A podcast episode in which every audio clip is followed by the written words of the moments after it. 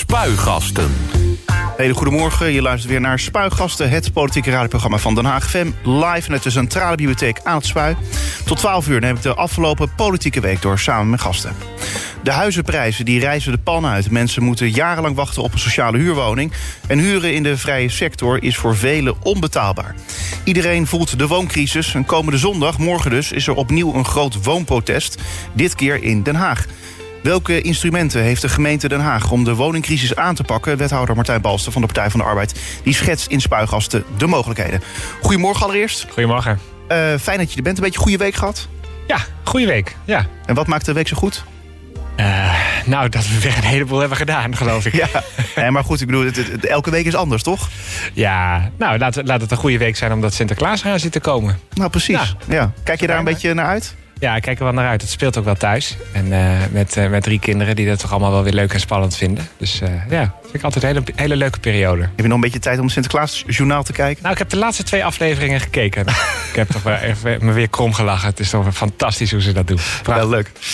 Ja. Um, voor Denk was het trouwens een minder goede week. En uh, daar gaan we het ook over hebben. De, het afdelingsbestuur kwam dinsdag naar buiten met een brief... waarin het uh, de Tweede Kamerfractie beschuldigt van afluisterpraktijken... tegen onder meer de Haagse afdelingsvoorzitter Abdou Hariouli. Een medewerker van de Landelijke Kamerfractie... zou eind september meerdere opnames hebben gemaakt tijdens een etentje met twee lokale bestuursleden. Fractievoorzitter Farid Azarkan die beschikte de dag na het etentje... over de opnames die hij vervolgens aan het landelijk bestuur liet horen al dus het afdelingsbestuur. Hariouli zei, zou zijn gechanteerd om afstand te doen van zijn lijsttrekkerschap... voor de gemeenteraadsverkiezingen van 2022. En Abdou Hariouli doet in Spuigasten zijn verhaal. Heb je de situatie bij Denk een beetje gevolgd? Nou, uit de media natuurlijk. Maar ik begrijp dat er verschillende verhalen zijn. Dus ik kan daar echt niet over oordelen. Uh, ik denk dat we het straks maar ook een beetje moeten, moeten horen. Je ziet wel vaak bij lokale partijen die een lokale afdeling proberen op te richten... dat het best ingewikkeld is. En uh, nou, misschien dat ze daar nu op dit moment tegenaan lopen. Maar ja, ik kan daar niet echt over oordelen. En misschien ook nog enigszins nieuwe partijen die... Ja, dat is altijd wel, wel zoeken. Dus, dan heb je een hoop te regelen. En dat gaat niet altijd van een leien dakje. Dat is ook niet zo gemakkelijk. Dus, nou, gaat het ook om gevestigde partijen. Gaat het ook niet altijd even makkelijk. Hè? Kijk naar de eigen partij, de PvdA. Bij gevestigde partijen zijn uh, de processen voor de verkiezingen altijd, uh, altijd ingewikkeld. Dat is zo. Dat, uh, in ons geval hebben we het nu achter de rug en gaan we nu echt de blik vooruit en aan de slag. Ja, toch een beetje een nare nasmaak aan ja, de, de totstandkoming van de kandidatenlijst. Hè? Om even voor de luisteraars die het niet gevolgd hebben. Er wilde iemand op die kandidatenlijst komen, uh, Myron Soetehal. Uh, nou, het afdelingsbestuur heeft gezegd van de PvdA... hij komt er niet uh, op. Vervolgens op de algemene ledenvergadering is hij er wel opgekomen. Uh, is wel wat, ook door de media, maar ook gewoon... Ja, het, is, was een onstuimige avond, om maar zo te noemen. heb je daar dan een beetje een bittere nasmaak aan? Nou, ik, ik zet altijd heel snel de blik op vooruit. en ik kijk daar best wel nuchter naar. Kijk, dit zijn altijd moeilijke processen, gaan over personen. Uh, dat is altijd ingewikkeld. En je moet dat in een grote ledenvergadering dan uiteindelijk met elkaar besluiten. Dat is altijd kwetsbaar. En we proberen er altijd zoveel mogelijk aan te doen om dat, om dat rustig en uh, vooral ook met, met uh, ja, integriteit en, en, en, en voorzichtigheid te doen. Maar dat lukt niet altijd. In dit geval was dat ook niet, is dat ook niet helemaal gelukt. Maar daarna is het ook zaak de geledingen te sluiten. Allemaal de neuzen dezelfde kant op, op campagne voeren. Want het is ongelooflijk belangrijk staat veel op het spel.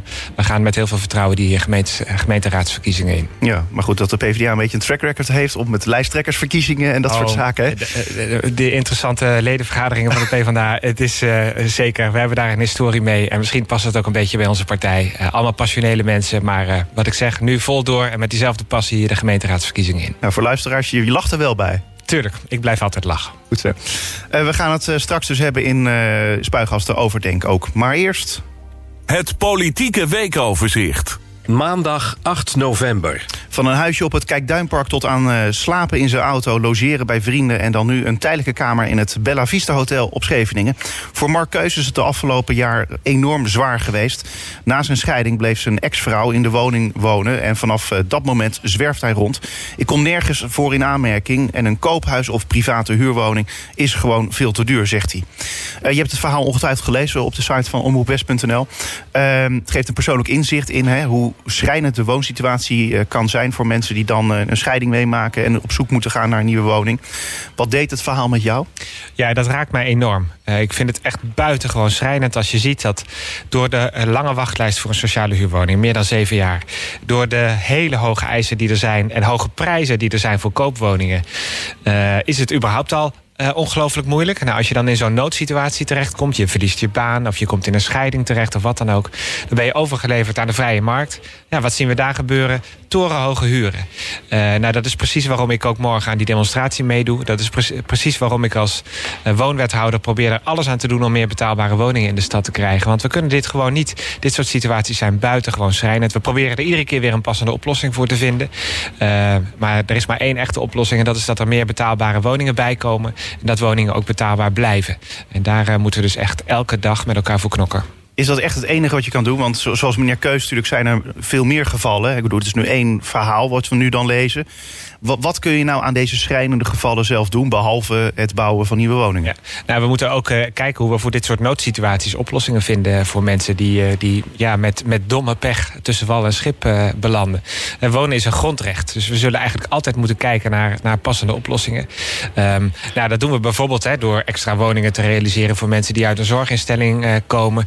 Doen we ook door voor spoedzoekers proberen oplossingen te vinden. Ja, als er dan bijvoorbeeld ineens een brand is, zoals aan de Wouwermanstraat onlangs. Hè, dan kijken we onze corporaties uh, uh, lief aan. Dat klinkt wat, uh, wat soft misschien, maar fantastisch dat die dan ook echt in de bres springen. En ervoor zorgen dat er ook woningen beschikbaar zijn. Ja, het is echt proberen iedere keer weer een weg te vinden in deze wooncrisis. Maar we moeten ook vooral naar de lange termijn kijken. Veel centen nodig, ook van het Rijk. Er moeten betaalbare woningen gebouwd worden. Alle pijlen ook daarop richten. En we echt bovenop mijn verlanglijst staat voor het Rijk. Zorg nou dat die huurprijzen begrensd uh, worden. Want 1600 euro voor een appartementje van 60 vierkante meter... daar kan niemand betalen. Nee, maar zo, eh, zoals nu bijvoorbeeld... Hè, het is nu even één schrijnende situatie. Gaat er dan meteen een belletje vanuit het stadhuis naar deze persoon... hoe we die kunnen helpen? Of hoe gaat dat? Nou kijk, als, als mensen zich uh, bij ons melden... dan gaan we daar natuurlijk uh, mee aan de slag. absoluut. dus, dus ook in dit soort situaties proberen we dan te doen wat we kunnen. Um, het, en het, en het, wat het zo ongelooflijk moeilijk maakt, is dat er op dit moment zoveel mensen zijn in deze in schijnende situaties, waardoor het uh, ja, ook, ook niet altijd uh, meer lukt. En dat is, dat is echt enorm schrijnend. Uh, we proberen alles uit de kast te halen om, om mensen dan zo goed mogelijk te helpen. Dinsdag 9 november. Het demissionaire kabinet wil dat makelaars een automatisch biedlogboek invoeren... om het bieden op huizen transparanter en eerlijker te maken. Kandidaat-kopers die kunnen op deze manier achteraf inzien... hoeveel en wanneer er door anderen is geboden. Zo verdwijnt de ruimte om niet integer te handelen... en weet iedereen hoe het bieden verlopen is, schrijft demissionair minister Ollongren. Ze wil dat de branche aan de slag gaat met zo'n logboek... en als dat niet snel genoeg gaat, komt er nieuwe regelgeving om het verplicht te maken. Vind je dit een goed plan, zo'n bied-logboek? Ja, dat is uitstekend. Dat is echt een, een goede stap die de minister heeft genomen. Ehm, de, de, Tweede Kamer heeft zich er erg zorgen over gemaakt. Ik geloof dat het in september was toen duidelijk werd... dat, uh, dat er heel veel lucht in die uh, koopprijzen ontstond... Hè, door het handelen van sommige makelaars. Ik merk ook als ik, als ik de koepels van makelaars spreek... dat de goedwillende, de partijen die het netjes doen... ontzettend de balen hebben van partijen die er een potje van maken... en die op deze manier de prijzen opdrijven. Want de integriteit van zo'n hele sector komt daarmee in het geding. Ik denk dat de minister hiermee, eh, met het vergroten van de transparantie over hoe dat, dat bieden nou precies gaat en hoe die prijs tot stand komt, een belangrijke stap heeft gezet. Um, het is nu aan de sector om dat uh, ook uit te voeren. En ik vind het wel van belang dat we ook snel die resultaten kunnen gaan zien. Want die hoge prijzen zijn natuurlijk ons allemaal een doorn in het oog. Ja, maar het zorgt ook wel weer voor nog meer administratieve rompslomp. En wat maakt, je kunt ook afvragen, wat maakt het nou eigenlijk echt uit? Want makelaars die kunnen onderling alsnog steeds afspraken maken over die prijzen. Ja, het is natuurlijk, uh, ook hier is de schaarste natuurlijk weer de belangrijkste factor voor die hele hoge prijzen. Uh, dat moeten we ook uh, erkennen. Dus nou, daar, daar zijn andere maatregelen te treffen. Die vooral op rijksniveau, denk ik, liggen. Maar ook het aantal te realiseren woningen... Hè, die de spanning op die woningmarkt moeten afnemen. Maar die transparantie in zo'n koopproces is natuurlijk wel heel erg belangrijk. Dat een consument goed kan zien, de koper goed kan zien... of hij een eerlijke prijs voor een woning betaalt. En daar begint het wel bij. Ja. Woensdag 10 november. Den Haag, Amsterdam, Rotterdam en Utrecht die maken zich zorgen over een forse groep mensen die onder oude regels moeten inburgeren als op 1 januari de nieuwe wet inburgering ingaat. De wethouders van de vier grote steden die hebben inmiddels een brief hun zorgen kenbaar gemaakt aan staatssecretaris Dennis Wiersma van Sociale Zaken en Werkgelegenheid. En de brief is mede ondertekend door wethouder Arja Kapteins van GroenLinks. Uh, als collega-wethouder deel je vast zijn zorgen. Nou, je knikt er al bij, dat is mooi. Absoluut. Maar welke, welke zorg heb jij dan precies? Nou, het is zaak, die nieuwe wet biedt, uh, biedt gemeenten meer mogelijkheden om mensen goed te laten inburgeren. En wat je altijd ziet als er uh, een nieuw regime komt, uh, dat er groepen zijn die onder het oude regime vallen. en inburgeren en de kwaliteit daarvan staat onder druk. Hè. De afgelopen jaren is de inburgering eigenlijk geprivatiseerd. En we zien wat dat voor gevolgen heeft gehad. Dat heeft tot veel slechtere kwaliteit geleid. Dat heeft ertoe geleid dat veel meer mensen tussen wal en schip belanden. Als je hier nieuw komt, is het voor mensen zelf ontzettend belangrijk om snel de taal te leren, om snel uh, je wegwijs te weten. Ja, als je dat laat zakken, als je, dat daar, uh, als je die teugels laat vieren, uh, dan laat je mensen eigenlijk aan hun lot over. En dat is voor de mensen zelf heel slecht, maar is ook voor de samenleving natuurlijk heel slecht. Dus we moeten zorgen dat die kwaliteit van die inburgering als de wiede weer gaat en ook met terugwerkende kracht op, op goede sterkte komt, zodat mensen echt perspectief hebben om hier iets van hun leven te maken. En denk je dan dat, uh, dat Dennis Wiersma, de staatssecretaris, dat hij een beetje onder de indruk is van zo'n brief? Nou, ik, wacht vooral op een uh, nieuw regeerakkoord. Uh, ik hoop dat het daar ook echt een effect in heeft. Die inburgering wordt heel spannend, ook met het nieuwe regime. Daarna heeft daar een beetje in voorop gelopen om te pleiten voor hè, weer gemeenteregie. Ik denk dat het heel erg belangrijk is. Mensen goed in beeld, de taal leren, direct aan de slag met alles wat nodig is om wegwijs te worden. ik hoop van harte dat er iets moois over in het regeerakkoord staat en dat het nieuwe kabinet daar dan als de weer mee aan de slag gaat. Donderdag 11 november. Informateurs Johan Remkes en Wouter Koolmees die kunnen op dit moment nog geen indicatie geven wanneer de formatie kan worden afgerond.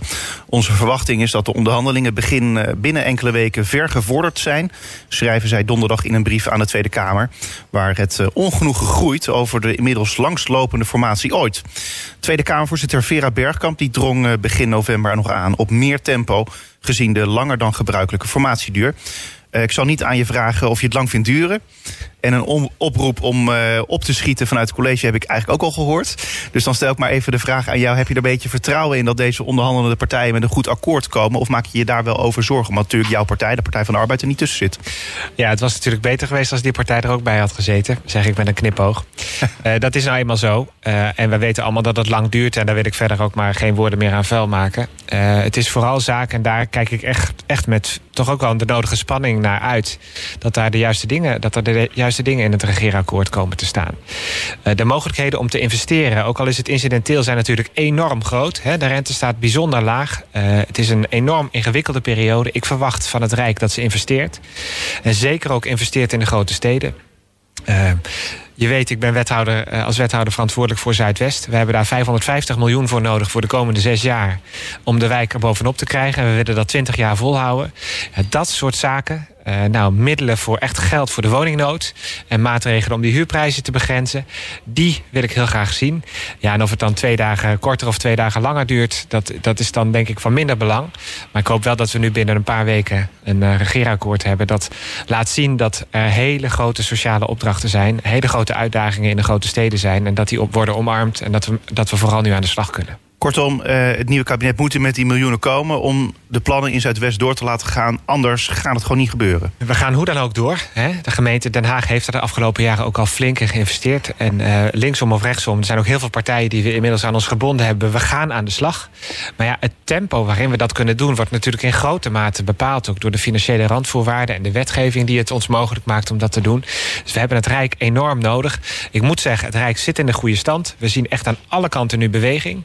Maar het moet uiteindelijk komt het wel op dat regeltje in die financiële paragraaf neer in het regeerakkoord. Of we het ook echt kunnen waarmaken. Dus ik kijk daar met heel veel uh, verlangen naar uit. Mag je nog ook een keer aan tafel komen daar bij die onderhandelende partij om te zeggen hoeveel geld je precies nodig hebt? Nou, de grote steden zitten, zitten in zo'n onderhandelingsproces altijd aan tafel. Uh, dat zijn vaak de burgemeesters en die weten uitstekend uh, waar het ons om gaat. ook de onze. Uh, dat doet hij met heel veel verven. Dus daar ligt het niet aan. Uh, de boodschap vanuit Den Haag is het kabinet zeer helder. En we schrijven natuurlijk ook heel veel brieven om duidelijk te maken uh, wat we graag zouden zien. Dus ik heb daar wel vertrouwen in. Nu is het zaak dat wordt overgenomen. Vrijdag 12 november. Het demissionaire kabinet kondigt vanavond een gedeeltelijke lockdown aan... die drie weken duurt, melden bronnen aan de NOS. Nou, uiteindelijk weten we natuurlijk... een van de maatregelen is dat de horeca en niet-essentiële winkels... uiteindelijk om... Uh, het is dat de horeca om acht uur dicht gaan... en dat de niet-essentiële winkels dat die om zes uur dicht uh, moeten. Zie jij een beetje de logica van deze maatregelen? Ja, ik denk dat we niet anders kunnen. Uh, maar het is natuurlijk wel een ontzettende klap. We zijn het allemaal zat. we hadden gehoopt na de zomer, voor de zomer dat we er ongeveer vanaf zouden zijn. Ik denk dat iedereen dat optimisme voelde. En dan potdorie zitten we in de herfst en dan gaat het weer helemaal mis. Uh, ja, ik denk dat we daar allemaal heel zagrijnig van worden. Maar ik denk wel, ja, we, we, we kunnen niet anders. Uh, we hebben ervoor te zorgen dat die IC-bedden beschikbaar zijn... voor de mensen die ze, die ze nodig hebben. We hebben ervoor te zorgen dat we er als samenleving goed doorkomen. Maar ik snap heel goed dat, dat vooral ook de mensen... die zich keurig aan de regels hebben gehouden... die netjes gevaccineerd zijn... daar inmiddels toch echt wel flink te balen van hebben. Zaterdag 13 november. In Utrecht gaat de centrale Sinterklaas-intocht niet door... maar in Den Haag komt de Sint wel met zijn pieten aan. Ouders die met hun kinderen naar de intocht op Scheveningen komen... die moesten tickets reserveren. En ze moesten ook een QR-code laten zien. Alle 5000 plekken die waren binnen een mum van tijd gereserveerd. En voor het eerst komt de Goed Heiligmaan aan... in de eerste haven op Scheveningen... in plaats van in de tweede haven. En na de aankomst van de pakjesboot 070... zal Sinterklaas met zijn pieten een route door de stad lopen. En zo komt de Sint langs de Frederik Hendriklaan... de Rijkenstraat, de En tot slot op de Grote Markt. Kijk je een beetje nog naar uit? Ga je nog langs? Ga je nog kijken? Nee, ik ga niet kijken. Uh, de tv-uitzending wordt altijd trouw bekeken in Huizen Balster. Dus dat zal vandaag ook weer gebeuren. Uh, maar fijn dat we het zo toch, uh, toch kunnen doen. Ehm, ja, zo'n feest hebben we allemaal denk ik ook wel behoefte aan. Goed zo, tot zover het weekoverzicht. Meer nieuws vind je op onze website denhaagfm.nl. Spuigasten. 100%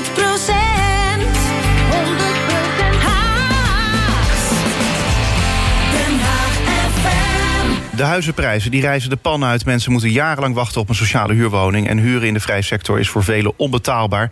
Iedereen die voelt de wooncrisis. En komende zondag, morgen dus, is er opnieuw een groot woonprotest. Dit keer dus in Den Haag. Maar welke instrumenten heeft de gemeente om de woningcrisis aan te pakken?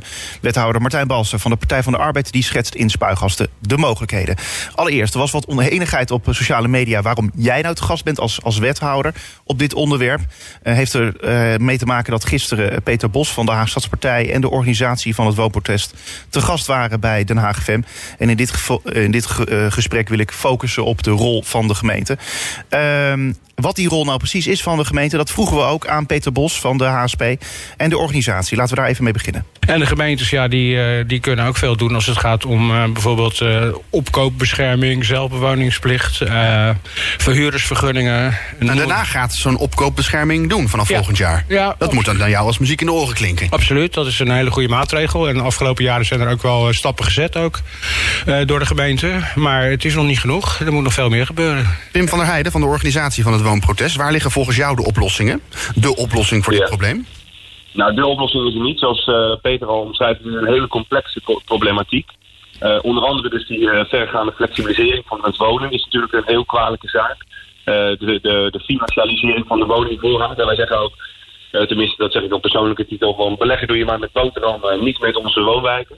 Eh, het flexibiliseren van wonen, dat is eigenlijk een trend die eigenlijk eh, min of meer normaal wordt gevonden. Er zijn zelfs woningbouwcorporaties die inmiddels zeggen dat dat het nieuwe, eh, is flexibel is het nieuwe permanent. Ja, dat kan natuurlijk gewoon niet. Hè? Vroeger in de tijd van mijn ouders had je twee smaken. Je kocht een woning of je huurde een woning. En in beide gevallen was je verzekerd van een dak boven je hoofd. En tegenwoordig zijn er zoveel allerlei ehm, ehm, tijdelijke contracten die, ja, die die huurders geen enkele bescherming geven, waarmee huurders niks opbouwen, maar wel gewoon de, hoofd, de hoofdprijs betalen. Ja, als je het verhaal eh, zo hoort eh, van Peter Bos en eh, van de eh, organisatie van het woonprotest... eh, ja, hebben ze gelijk? Roerend mee eens. Mooi. Nou, dat, dan, is dat in, dan is dat in elk geval eh, eh, duidelijk. Ja. Ehm, nou, nou gaat het natuurlijk om van wat, wat nou precies de rol van de gemeente eh, is. Ehm, nou, wat nu net genoemd is, zijn er dan nog aanvullende maatregelen die de gemeente kan nemen? Nou, we hebben de afgelopen twee jaar echt heel veel uit de kast gehaald. Hè. Ehm, eh, beginnen maar even met de, de woningbouwproductie. Hè. We meer woningen realiseren en dan ook vooral meer betaalbare woningen. Ik denk dat we zo ongeveer nu alle mogelijke instrumenten, juridische instrumenten, financiële instrumenten uit de kast hebben gehaald om dat te doen. We hebben zelf eh, eh, zo'n 200 miljoen eh, geïnvesteerd als gemeente vanuit onze Eneco-middelen. Ehm, we hebben eh, veel rijksgeld ook nog extra binnengehaald om die eh, projecten van de grond te krijgen. En je ziet nu ook een enorme beweging. Hè. In 2018, 2019 was het nog 2 of 3 procent eh, sociaal. En nu gaan we over de 30 heen dit jaar. Dus eh, dat is precies wat we willen. Hè. Maar dat is wel natuurlijk, hè, dat moet je lang volhouden. Heeft tijd nodig. Daar de woningnood eh, mee bestrijden. Ja. Dus wat we natuurlijk ook hebben gedaan, is we in die bestaande woningvoorraad, dat is toch uiteindelijk eh, het, het gros eh, ingrijpen daar waar de leefbaarheid onder druk staat. En daar waar sprake is van wat ik maar even noem woninghandel. Want wonen moet geen speculatie worden. We moeten ervoor zorgen dat die woningen beschikbaar blijven voor mensen met een, een, lager of een middeninkomen. Want daar is echt een heel erg groot tekort. Nou, we hebben de kamerbewoning aan banden gelegd. We beschermen koopwoningen straks met goedkope koopwoningen straks met de opkoopbescherming tegen het opkopen om ze vervolgens duur door te verhuren. We hebben allerlei fatsoensnormen stellen we eh, in. Hè. Er komt straks ook een wet die het goed verhuurderschap kan afdwingen. Nou, we hebben onze pandbrigade uitgebreid om ook op misstanden te handhaven.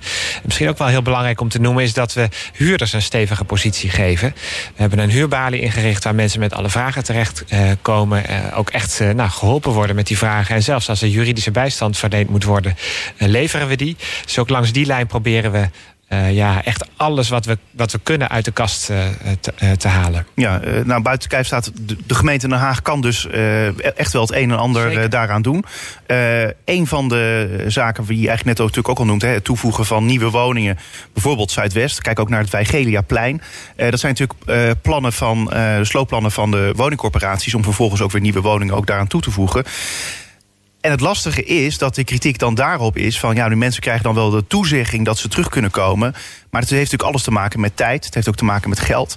Dus eh, ja, het lastige is toch voor om, om tegen die mensen ook te kunnen zeggen dat ze daadwerkelijk terug kunnen komen. Ja, Je kunt het toch niet beloven eigenlijk als wethouder Ja, en als gemeente wel. Ja, zeker wel. Dat doen we in Zuidwest. Is dat een garantie? Hè? Eh, dat komt omdat we daar veel meer woningen terugbouwen. Kunnen we dat ook eh, beloven? Eh, en niet alleen maar zomaar meer woningen terugbouwen. Wat je op veel plekken in het land ziet, is dat er dan hele dure woningen terugkomen. Dan kunnen mensen natuurlijk niet terugkeren. Maar we zorgen er hiervoor dat er echt voor elke portemonnee eh, niet hetzelfde aantal woningen, maar meer woningen beschikbaar zijn. Slopen is nooit leuk, hè? dat leidt tot, tot zorg. Over waar kom je nou precies terecht? En ik woon in zo'n. Ik woon in een, een, een omgeving, vaak een slechte woning. Hè? Dat moeten we ook erkennen. Hè? Mensen wonen vaak in hele beroerde woningen. Soms 300 euro per maand aan energielasten. Vocht- en schimmelproblematiek. Ik heb echt schrij- hele schrijnende situaties, ook bijvoorbeeld in Zuidwest gezien. Maar mensen hechten wel aan de sociale structuur. Eh, ze hebben contact met hun buren, ze lossen samen problemen op, ze letten op elkaar. Nou, die wil je ook niet verstoren. Dus we proberen juist ook bij die grote herstructureringsprojecten ervoor te zorgen dat mensen ook weer bij elkaar in de buurt kunnen eh, wonen. Maar zulke afschuwelijke woonomstandigheden waar mensen in wonen, kunnen we ook niet laten bestaan. Nee, goed, maar goed, dat, dat wil niemand volgens mij. Eh, althans, de vraag is dan heel erg van wat ga je eraan doen? Ja. Eh, en het belangrijke is wel om even te benoemen, is van kijk, nu zit jij als PvdA-wethouder ja, aan het bewind op dit dossier. Maar als we bijvoorbeeld de VVD horen, die nu ook in het college zitten. En, en we hebben natuurlijk nu nog maar een halfjaartje tot aan de verkiezingen. Eh, dat er misschien wel een hele andere wind gaat waaien. En de, en de angst is natuurlijk ook dat op het moment dat er een andere politieke actualiteit is, dat er dan wordt gezegd: ja, sorry, maar eh, ja, we moeten toch gaan afwijken van, van de kaders die we toen gesteld hebben. Ik heb het als wethouder natuurlijk te doen met een termijn, eh, normaal gesproken van vier jaar. Ja, dus nu geval- zelfs nog korter. In mijn geval Ja. nog korter. Maar ik denk echt, en daarom is dat woonverzet van, eh, van morgen ook zo belangrijk. Wonen staat nu heel hoog op de agenda. Iedereen kent wel iemand met een gewoon modaal inkomen die er niet meer tussen komt. Die zich buitengewoon zorgen maakt of je eigen kinderen straks nog betaalbaar in, je, in, de stad waar je van houdt kunnen wonen. Nou, daar zullen wij voor moeten zorgen met elkaar. Dus ik hoop echt van ganse harte dat we de lijn die we nu hebben ingezet, die we echt lang zullen moeten volhouden, van, waarbij we zeggen: het is geen discussie meer of je betaalbaar bouwt. Dat doen wij altijd en dat gaan we gewoon 10, 20 jaar volhouden om die woningnood op te lossen. Dat iedereen dat erkent en dat we daar samen voor gaan. En ik weet me wel een beetje gesteund, want met de woonagenda die we hebben vastgesteld in de gemeenteraad, er waren maar twee stemmen tegen. Er is een enorm commitment om daarmee aan de slag te gaan. Ja, we mogen dat niet loslaten. Nee, maar goed, als het bijvoorbeeld ook gaat om woningsplitsing, dat is dan weer iets anders. Eh, ja, dat wordt nu aan banden gelegd omdat het dan de leefbaarheid in eh, wijken, zoals bijvoorbeeld Laak, eh, nou ja, moet verbeteren. Eh, maar goed, dat, nou is het weer zo dat de VVD natuurlijk in het college zit hier. En dat daardoor ook woningsplitsingen in juist rijkere wijken, eh, op het zand, om maar zo te zeggen, dat dat, dat daar ook wordt eh, verboden.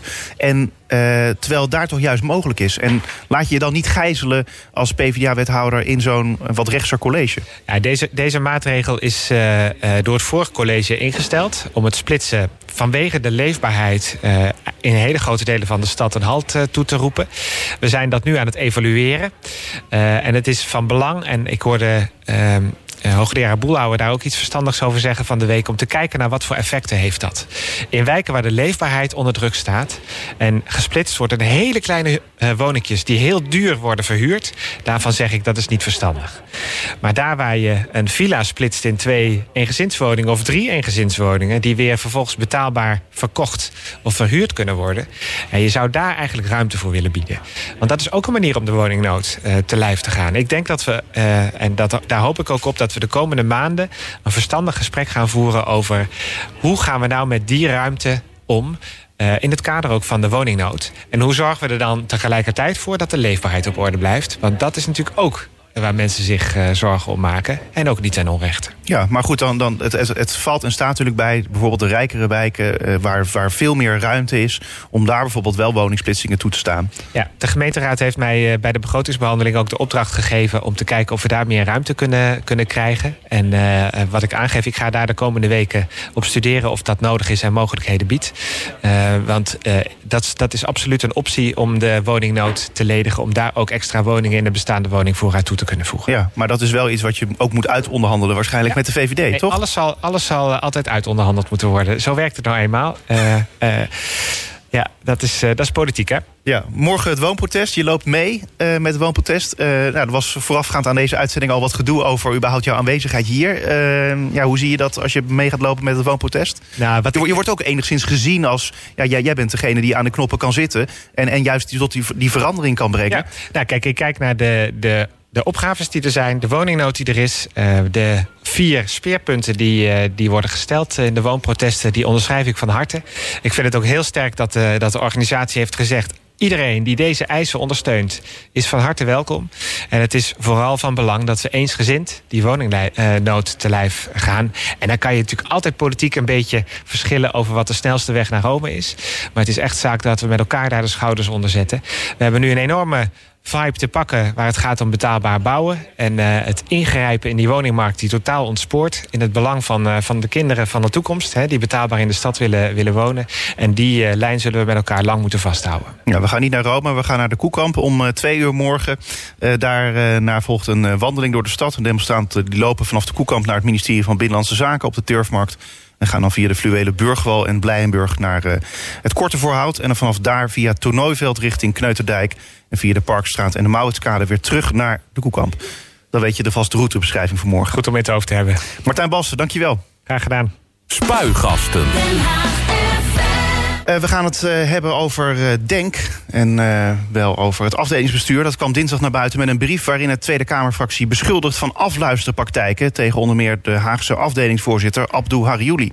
Een medewerker van de Landelijke Kamerfractie die zou eind september meerdere opnames hebben gemaakt tijdens een etentje met twee lokale bestuursleden. Uh, fractievoorzitter Farid Azarkan die beschikte de dag na het etentje over de opnames die hij vervolgens aan het landelijk bestuur liet horen, al dus het afdelingsbestuur. En Hariouli die zou zijn gechanteerd om afstand te doen van zijn lijsttrekkerschap voor de gemeenteraadsverkiezingen van 2022. En Abdou Hariouli doet in Spuigasten zijn verhaal. Abdou, goedemorgen. Goedemorgen. Uh, fijn dat je er bent. Dankjewel. Hoe was het voor... ook. Ja, wat was het voor week voor jou? Ja, een beetje uh, hoe moet je dat zeggen eigenlijk? Een rollercoaster noemen ze dat altijd. Ja, verschillende emoties, inderdaad.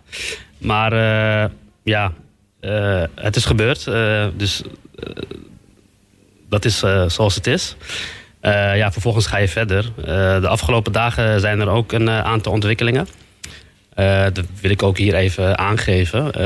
een van de bestuursleden, jij refereerde er net aan, van ons afdelingsbestuur heeft inmiddels uh, het uh, bestuur van Den Haag verlaten. afgelopen donderdag ben ik op staande voet ontslagen terwijl ik ziek was. Ben eigenlijk. ziek ben gemeld. bij Denk, van, mede vanwege die toestanden. en gisteren ben ik gerouilleerd. dus ik heb je net aangekondigd als voorzitter, maar je bent helemaal geen voorzitter meer. ja, als jij dat zo wilt stellen, dat kan. Maar goed, het is meer om aan te geven van hoe er vanuit het landelijk bestuur uh, op mij wordt gereageerd. Uh, op de afdeling wordt gereageerd. Er zijn grote zorgen geuit over uh, ja, het feit dat wij ons niet veilig voelen. dat onze privacy ernstig is geschonden. Dat wij onder druk zijn gezet. We hebben gevraagd om een onafhankelijk onderzoek. en dit is dan de reactie eh, die je krijgt. Dus eh, ja, dat is veelzeggend, denk ik. In hoeverre is er nog contact geweest tussen jou en het eh, landelijk eh, bestuur? Nou, alleen op deze manier. eh, De mededelingen? ja, juridisch niet bereid in gesprek te gaan van wat is jullie verhaal, wat hebben wij verkeerd gedaan, wat zijn de meldingen. Want er zijn ook andere betrokkenen die nu eh zeggen aangeven van eh, wij zijn hier slachtoffer van. Helemaal niet. Ik zag dat de heer Azarkan mij had geblokkeerd op Twitter. Ja, dus dat is eigenlijk hoe het er nu voor staat. Dus elke vorm van contact, dat wordt vermeden en het wordt allemaal op het juridische gegooid. Maar goed, ik, ik zie dat allemaal wel. Eh, eh, na dit weekend ga ik dat even rustig bekijken. Dus dat is eigenlijk hoe het er nu voor staat. Ja.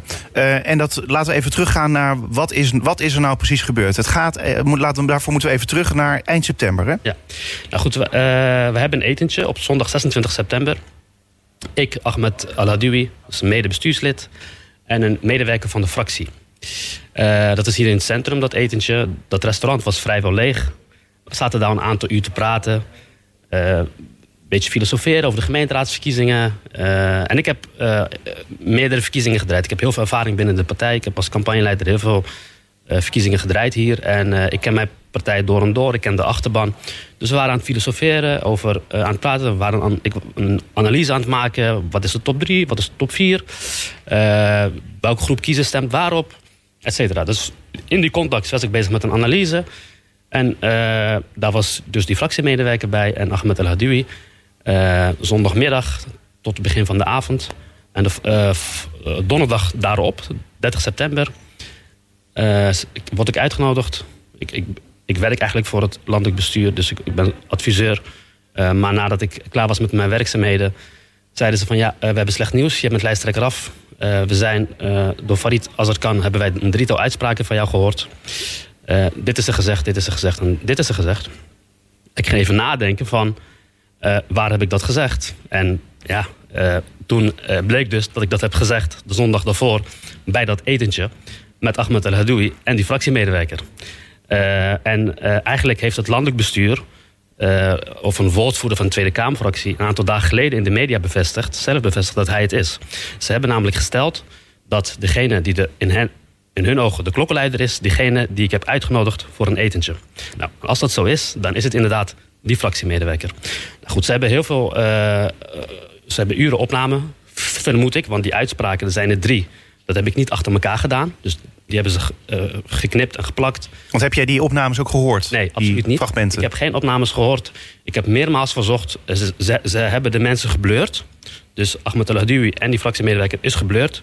Meermaals gevraagd van... luister nou naar die context, naar die, al, al die gesprekken. Dat wilden ze niet. Eh, ze hebben mij dus gezegd van... dit heb jij gezegd. Ik heb gezegd van... er is absoluut geen sprake van racisme... of eh, andere kwalificaties die jullie doen. Dat werp ik verder van me. Eh, nou, ik ben onder druk gezet. Ik moest een soort schuldbekentenis doen. Eh, heel kwalijk. Eh, ik denk bij mezelf, nou, als eh, mensen schuldig verklaren in dit land, dat doet de rechter. En ja, op die manier is het geëscaleerd. En ja, echt pushen van, jij moet afstand doen van je lijsttrekkerschap. Want jij hebt racistische uitspraken gedaan. Uitspraken die ik niet heb gehoord. Uitspraken waarvan ik zeg, die heb ik inderdaad gedaan, die uitspraak. Maar het is in een analyse en het is absoluut geen racisme. En vervolgens krijg ik afgelopen maandag een aanzeggingsbrief van de voorzitter dat ik afstand moet doen. Op geen enkele manier wordt er onderbouwd van wat ik dan gezegd heb. Eh, je- eh, allerlei kwalificaties worden er verbonden aan die uitspraken. En als ik niet voor din- eh, dinsdag 6 uur een verklaring afleg, afstand neem, dan worden al mijn functies heroverwogen in de partij. En dat is nu gebeurd? Ja, dus dat is hun plan. Gaan ze blijkbaar mee verder. Ja, wat ik zeg, het is veelzeggend. Je hebt bestuursleden die dus aangeven van... hey, eh, er is iets absoluut niet in de haak. Dit is geen eh, goed iets dat mensen heimelijk worden afgeluisterd. Eh, er zijn mogelijk strafbare feiten gepleegd... omdat er ook gesprekken zijn opgenomen. Mogelijk van mensen waar die fractiemedewerker niet aan deelnam. Dus, en op die manier wordt er gereageerd. Ik heb gevraagd om een onafhankelijk onderzoek. Ook namens de afdeling. En het landelijk bestuur was daartoe niet bereid. Eh, als ik jouw verhaal hoor, dan denk ik van ja, er kan maar eigenlijk één mogelijkheid zijn waarom dit gebeurd is. En dat is dat omdat jij de kandidaat lijsttrekker was. Ja. Eh, ik zeg erbij was. Eh, en dat wilden ze eigenlijk niet meer. Nou, ik stel me op het standpunt dat ik het nog steeds ben. Want daar gaan de leden over, namelijk. Maar ze hebben jou gerooieerd. Ja, maar goed, ik, ik ga na het weekend even rustig kijken. om daar tegen in ver weer te komen. De motivering is echt ja, belabberd. Dus dat ga ik gewoon even rustig op mijn gemak kijken. Ik laat me niet zomaar uit de, uit de weg slaan. Eh, maar in elk geval, ja, het was eigenlijk. eh, kijk, eh, ik heb ook aangegeven. ja, wat ook opmerkelijk is, is dat, is dat zij vervolgens zeggen: je mag wel plek 2. Dus ik, ik heb gezegd: van ja, maar als ik racistische uitspraken doe, waarom mag ik dan wel plek 2? Eh, dus ik had het idee, ze willen mij dus plek 2 geven. Vervolgens een schuldbekentenis laten tekenen. En dan. En ze willen dus iemand anders als lijsttrekker. dat vermoed ik. Ik heb via de democratische manier dat gewonnen. Het, de kandidaatscommissie, lokale kandidaatscommissie in Den Haag, heeft besloten eh, dat ik de beste kandidaat was. Eh, het afdelingsbestuur, waar ik weliswaar zelf in zit, maar de twee andere eh, bestuursleden hebben gezegd dat ik de beste kandidaat was. Het landelijk bestuur heeft dat gewoon gezegd, besloten dat ik lijsttrekker ben. De Farid Azarkan is ook daarover geïnformeerd. Die heeft een adviserende rol. Die heeft ook gezegd dat ik lijsttrekker was. En vanaf het moment dat, dat al die actoren dat hebben gezegd, komt die jongen in mijn privéleven. Ehm, het lastige is natuurlijk ook, hè, ja, bijvoorbeeld Denk, eh, de, de, de, partijbestuur, dat, dat blijft zich ehm, ja, vasthouden aan, aan de verklaring die zij eh, hebben gegeven. Eh, dus zeg maar, dat verhaal, ja, dat, dat, dat staat aan de ene kant. Waar prik jij dan doorheen van dat verhaal van, van Denk? Want zij, zij, zij stellen, hè, je hebt racistische, racistische, discriminerende uitspraken gedaan. Daarvan zeg je van, nou ja, daar, daar, daar, dat, dat snap ik wel, maar dat wel in een bepaalde context. Ja. Nee, dat snap Eh, ik niet. Dus dat is absoluut niet het geval. Ik heb gezegd van laat, laten we die uitspraken horen. Laat Ja. de context horen, laat het gesprek horen. Blur die mensen niet, want dan weet je ook waar het over gaat. Eh, maar dat willen ze niet. Nou, dus dat is ook veelzeggend. Ja, Ben je maar- dan echt op zoek naar waarheidsvinding of niet? Maar dan, dan hoor ik natuurlijk mensen denken en die, zeggen, die vragen zich natuurlijk af: wat heb je dan precies gezegd? Wat is dan jouw analyse geweest? Nou, kijk, eh, In het kort. dit is eigenlijk hoe zij werken. Dus ik, ik, ik, ik spreek natuurlijk, dat ik best wel lang in de partij zit, ik spreek andere mensen. Eh, Ze willen juist dat wij het hierover gaan hebben. Ze willen eigenlijk dit gaan legitimeren. Maar voor mij is dit niet interessant om op hun in te gaan. Want wie stelt moet bewijzen. Dus als jij zegt van ja, je hebt racistische uitspraken gedaan. Kom maar op. Laat die opnames horen. Dat heb ik ook meermaals gezegd. Laat het hele gesprek horen. En dan hoor je wat ik precies heb gezegd. En dat is absoluut niet racistisch. Dat bevestigt ook eh, de heer Aladoui, die eh mede bestuurslid is. En tot de dag van vandaag, dat is volgens mij bijna zeven weken geleden, willen ze mij niet die opnames horen. En wat hier ook kwalijk aan is, is dat ik heb gehoord dat eh, binnen de partij, ook binnen de stad, door een aantal mensen wel over mij wordt verspreid. eh, dat ik racistisch ben. eh, dat die opnames ook worden, eh, eh, eh, worden eh, laten horen aan andere mensen. Maar aan mij hebben ze dat niet gedaan. En ja, dat, is, dat lijkt me ook veel zeggen. Ja.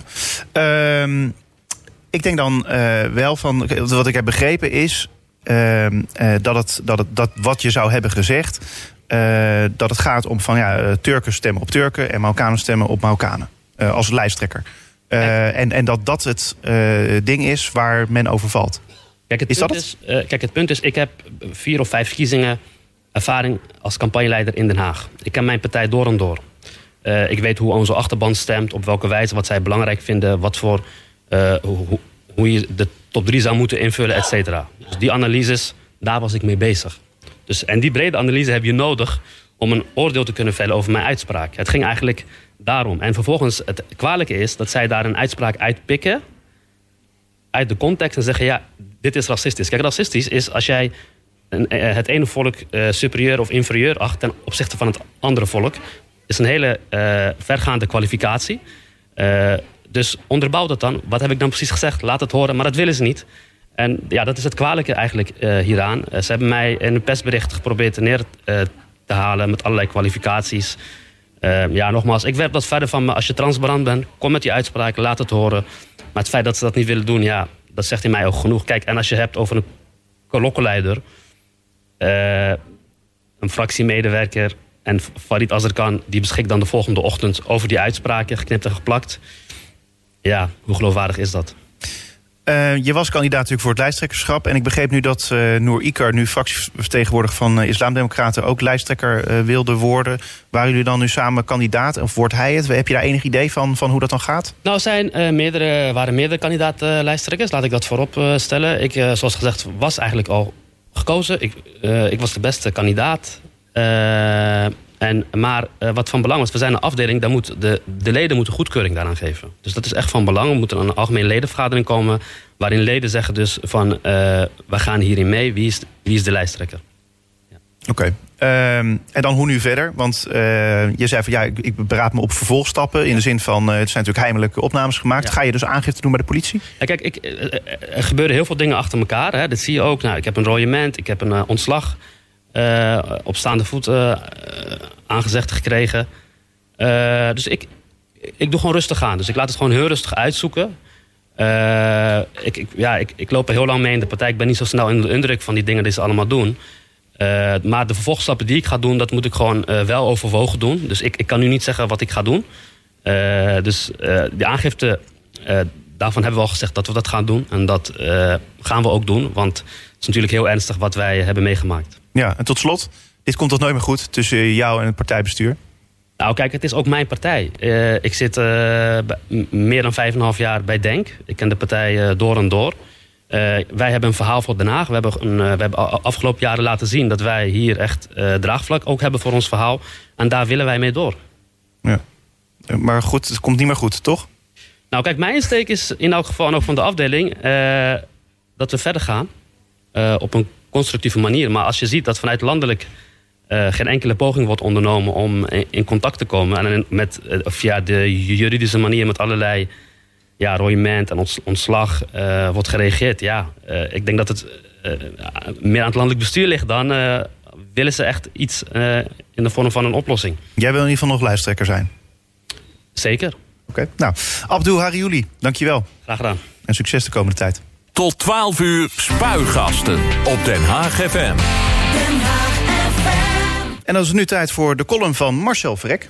Stadgenoten, vorige week luidde de slagregel van mijn column... maar laten we het gezellig houden. Niet bepaald de leus van Denk, eh, begrijp ik eh, zojuist.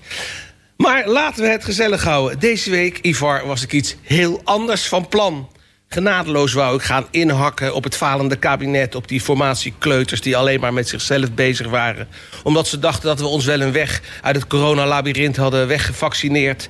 Eh, omdat de zorg nog niet versterkt werd, terwijl die zwaar verzwakt was. Korte metten wou ik maken met die laffe politieke angst voor het volk. Maar ook met het ongedisciplineerde egoïstische zelfmedelijden... van veel gulzige landgenoten. De oelewappies met hun anti-prikacties. Afijn, ik zou alles en iedereen behalve mezelf natuurlijk, tegen de muur zetten... stenigen, verkruimelen, versnipperen, roosteren, braden en verkolen. Maar ja, wat heeft dat voor zin? Er is al woede genoeg in het land.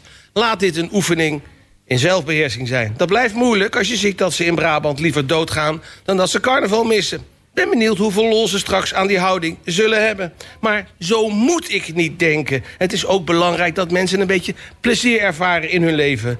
Zolang ze dat nog hebben. We kunnen elkaar niet voortdurend alleen maar de maat gaan zitten nemen. Al is dat natuurlijk wel heel fijn dat er mensen zijn die je de schuld kan geven. Ja, de mensen moeten hun energie kwijt. En het volk is niet alleen maar dom en volgzaam. Neem de voetbalclub NEC. Dat zijn echte voorlopers. Daar spelen ze al twee weken zonder publiek. De intocht van Sinterklaas, alweer een lawaai-demonstratie in Den Haag. Maar nu voor de kleinste gaat wel gezellig door. Ik hoop dat de Sint een hoop boosterprikken in zijn zak en in zijn arm heeft zitten. De Goedheiligman en zijn Pieten dansen ook altijd voorbij mijn raam een carnaval van virusdeeltjes. Maar zou het helpen als ik vanuit datzelfde raam... met mijn pijlenboog als Lee Harvey Oswald... die gillende kinderschaar ga zitten uitdunnen? Is ongezellig en heeft helemaal geen zin... want als die sliert mijn straat inkomt... hebben ze al urenlang door de stad gesjouwd... en zijn de besmettingsrecords voor deze dag al lang veilig gesteld. En laten we eerlijk zijn, er is ook ander nieuws. Zoals ik het bloedstollende bericht dat het naakt zwemmen... in de Haagse zwembaden wordt stopgezet. Zeg maar uitgekleed om de zwemachterstanden bij de jeugd in te halen. Dat zal zich vanzelf herstellen, vermoed ik. Want wij trokken vroeger als baldadige knaapjes ook altijd al die broekjes naar beneden. In Utrecht mogen Amstdragers een hoofddoekje gaan dragen. Gecombineerd met een mondkapje krijg je dan toch een soort carnaval. Maar waar ik natuurlijk het meest benieuwd naar ben... is hoe dat beraad in het kashuis is gegaan. De sfeer was ijzig, zei men. Want impopulaire maatregelen nemen, dat is niet zo besteed aan dit clubje. En ze hebben allemaal zo hun eigen belangetjes. Stel je voor, Ivar, ze zitten rond de tafel. Premier Rutte neemt het woord.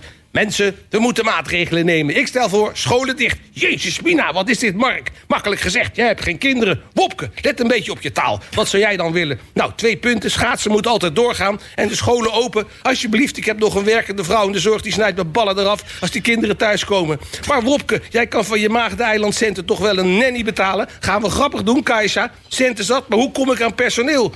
Nou, misschien heeft Ankie Broekers-Knol nog een paar Afghanen in de aanbieding. Rustig, rustig mensen. Laten we even constructief blijven. Ik stel voor zo min mogelijk mensen binnenshuis. Dat lukt mij ook altijd. Haha, gaaf plan. Actie, actie, actie. Implementatie, implementatie, implementatie. Waar is Vert trouwens? Die staat in het zijkamertje een nieuw liedje in te studeren. Ga hem dan halen, Stef. Hugo, hoe is de stand van zaken? Ja, Mark, dankjewel. We hebben wat probleempjes, maar zoals ik al zo vaak heb gezegd... het komt allemaal goed.